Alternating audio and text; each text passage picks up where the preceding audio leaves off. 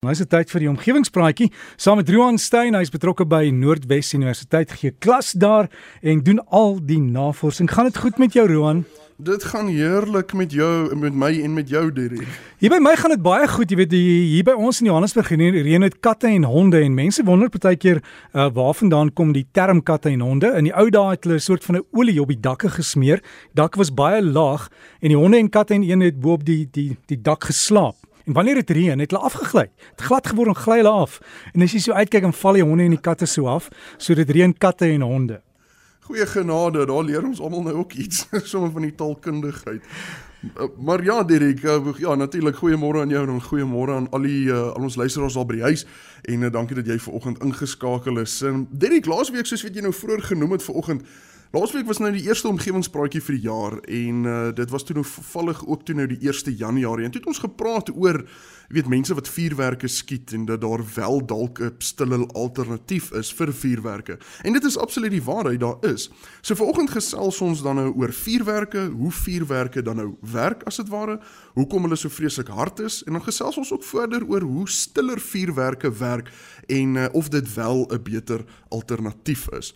Nou um, ons moet eerstens vinnig net gesels oor die wetgewing wat in plek is om vuurwerke in Suid-Afrika te reguleer. En dit is baie belangrik om eerstens te weet dat die skiet van vuurwerke is wel definitief gereguleer in Suid-Afrika en uh, vir baie goeie redes uh vuurwerke is nie speletjies nie en mense kry jaarliks baie baie seer as gevolg van die nalatige hantering van vuurwerke. En uh daarom is daar reëls in plek gestel om jou daar by die huis te beskerm wat nie deel is van die vuurwerke vertoning nie en om seker te maak dat jy nie per ongeluk seer kry nie. En dan is die reëls ook daar in plek gestel om mense teen hulle self te beskerm. Um vuurwerke is basies klein bomme wat ontplof en uh, ons kan nie um en, en ons kan maar enige uh uh ongevalle 'n dokter vra. Uh vuurwerke beserings is afgryslik en uh, definitief lewensgevaarlik. Ek het juis laasweek ekstrale gesien van mense wat hulle self beseer het met vuurwerke en uh en alhoewel dit nou net ekstrale is, lyk hulle hande soos pastousties. So dis sien ons dat daar is verseker 'n goeie argument om te maak dat vuurwerke gereguleer moet wees. En daar's 'n paar reëls wat nagekom moet word en en ek gaan 'n skakel op ons Facebookblad plaas vanoggend uh, na die program en ek sal dit op breakfast ook natuurlik met ons luisteraars deel. Um en uh, waar die belangrikste reëls gelees kan word. Um maar ek gaan sommer net die eerste paar hierso genoem. Um vuurwerke mag glad nie afgevuur word um, in publieke plekke nie. Dit sluit nou parke in en strate en sypaadjies en winkelsentrums en restaurante. En vuurwerke mag glad nie op straat verkoop word nie, um of deur enige informele smous nie. Uh nou net geakkrediteerde winkels mag vuurwerke verkoop en dit is onwettig om vuurwerke af te vuur binne 200 meter van enige hospitaal of kliniek, petrolstasie, ouetehuis, versorgingssentrums of enige diersy dierewelsyn organisasie. En hierdie is maar net 'n paar reëls um wat uh, wat ek dan nou uh, op Facebook sal plaas en die res van die reëls kan die kan ons luisteraars ook natuurlik nou daar gaan lees. So wanneer ons na die wetenskap agter vuurwerke kyk, kan ons verduidelik waarom vuurwerke so hard is. So daar is gewoonlik twee fases van 'n vuurwerk. Die dryfmiddel, ehm um, wat die ehm um, wat uh, uh natuurlik die dryfmiddel wat wat brand om die vuurwerk in die lug te kry en dan die kruit wat ontplof op 'n sekere hoogte wat dan nou eintlik die vuurwerk is soos wat ons nou maar aan hom gewoond is. Nou die chemiese reaksie binne die vuurwerk veroorsaak 'n opbou van hitte en gas en dit veroorsaak dan nou die ontploffing en dit veroorsaak 'n drukgolf as gevolg van die enorme hoeveelheid energie wat vrygestel word in 'n klein volume. Nou hierdie drukgolf pers die lugdeeltjies in die omgewing saam wat dan vinniger as die spoed van lig beweeg. Ag eh, vinniger as die spoed van klank beweeg, skus. En dan hoor ons daardie skerp knal of slag wat so kenmerkend is aan vuurwerke. En terloops Derek enige iets wat vinniger as die spoed van klank in 'n medium beweeg veroorsaak 'n skokgolf, selfs die in die ruimte soos die ontploffings op die son, maar ons sal miskien ander dag daaroor gesels. Maar nou verstaan ons waar die vreeslike harde geluid vandaan kom wanneer 'n vuurwerk afgevuur word. Die volgende vraag is hoe hard is 'n vuurwerk dan nou werklik? Wel oor die algemeen mag vuurwerke nie harder as 120 desibel wees nie wanneer jy 15 meter weg staan nie. Nou Derek, dit is onsaglik hard.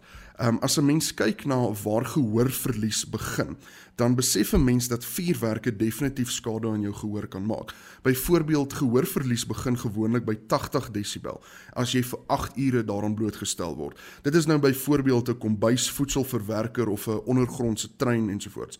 Nou snaaks genoeg 'n rockkonsert is gewoonlik 112 desibel en jy begin gehoorverlies kry net na 66 sekondes se blootstelling daaraan. So 120 desibel is baie hoog en alhoewel dit net sekondes is van die slag van elke vuurwerk, kan 'n hele vertoning wel um, jou gehoor beskadig. Nou soos ons almal bewus is, Derek raak diere totaal en al verboureerd wanneer hulle vuurwerke hoor. Meeste van ons is gewoond aan honde se reaksies, maar alle diere reageer daarop. Perde, donkies, katte, voëls, wilde diere ensovoorts. En die groot rede is omdat die diere um die harde geluide en flikkerende ligte as lewensgevaarlik um ervaar en dan skop die veg of vlug reaksie in. En meeste honde en diere probeer wegkom van die geluide van die klankskokgolwe en dan probeer hulle met alle mag om by huise uit te kom omdat hulle dink hulle lewens hang daarvan af. En dit is werklik baie hartseer en moet absoluut ten alle koste vermy word. Nou soos ons aan die begin genoem het, Derek, een van die maniere om hierdie negatiewe effekte van vuurwerke te voorkom, is om eerder stil vuurwerke te gebruik. En dit is baie interessant. Maar 'n mens moet eintlik eerder sê dit is stiller vuurwerke, want geen vuurwerk sal 100% stil kan wees nie. Maar die resultaat is dat die klanke is meer van 'n popgeluid as wat dit 'n knal of slaggeluid is. En die manier waarop hierdie vuurwerke gebou word is om minder dryfmiddel in die vuurwerk te plaas. Nou my vermoede is en ek kan um, ek kon dit ongelukkig nie verifieer nie want hierdie um, mense wat hierdie tipe vuurwerke maak speel maar hulle kaarte heelwat nader uh, nader aan hulle bors as wat ek gedink het. Maar my vermoede is dat hulle sit min genoeg kruit binne die vuurwerk um sodat die ontploffing onder die spoed van klank bly.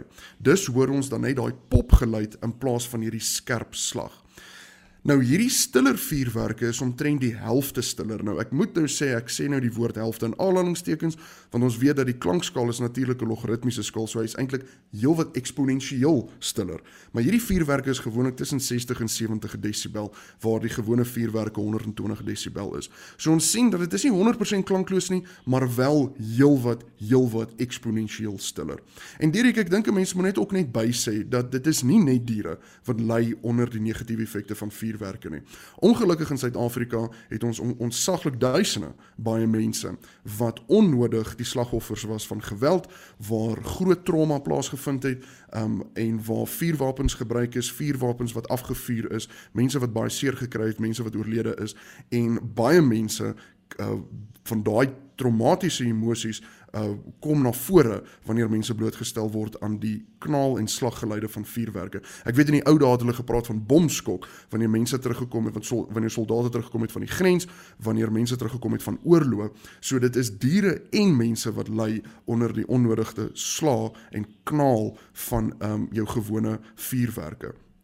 Maar die stiller vuurwerke is 'n absolute on, onsaglike goeie alternatief. So ek dink ons kan hom daar los ten slotte Dirk. Ek dink dis baie belangrik dat mense die reëls van vuurwerke ken vir hulle eie veiligheid en vir die veiligheid van ander mense en diere.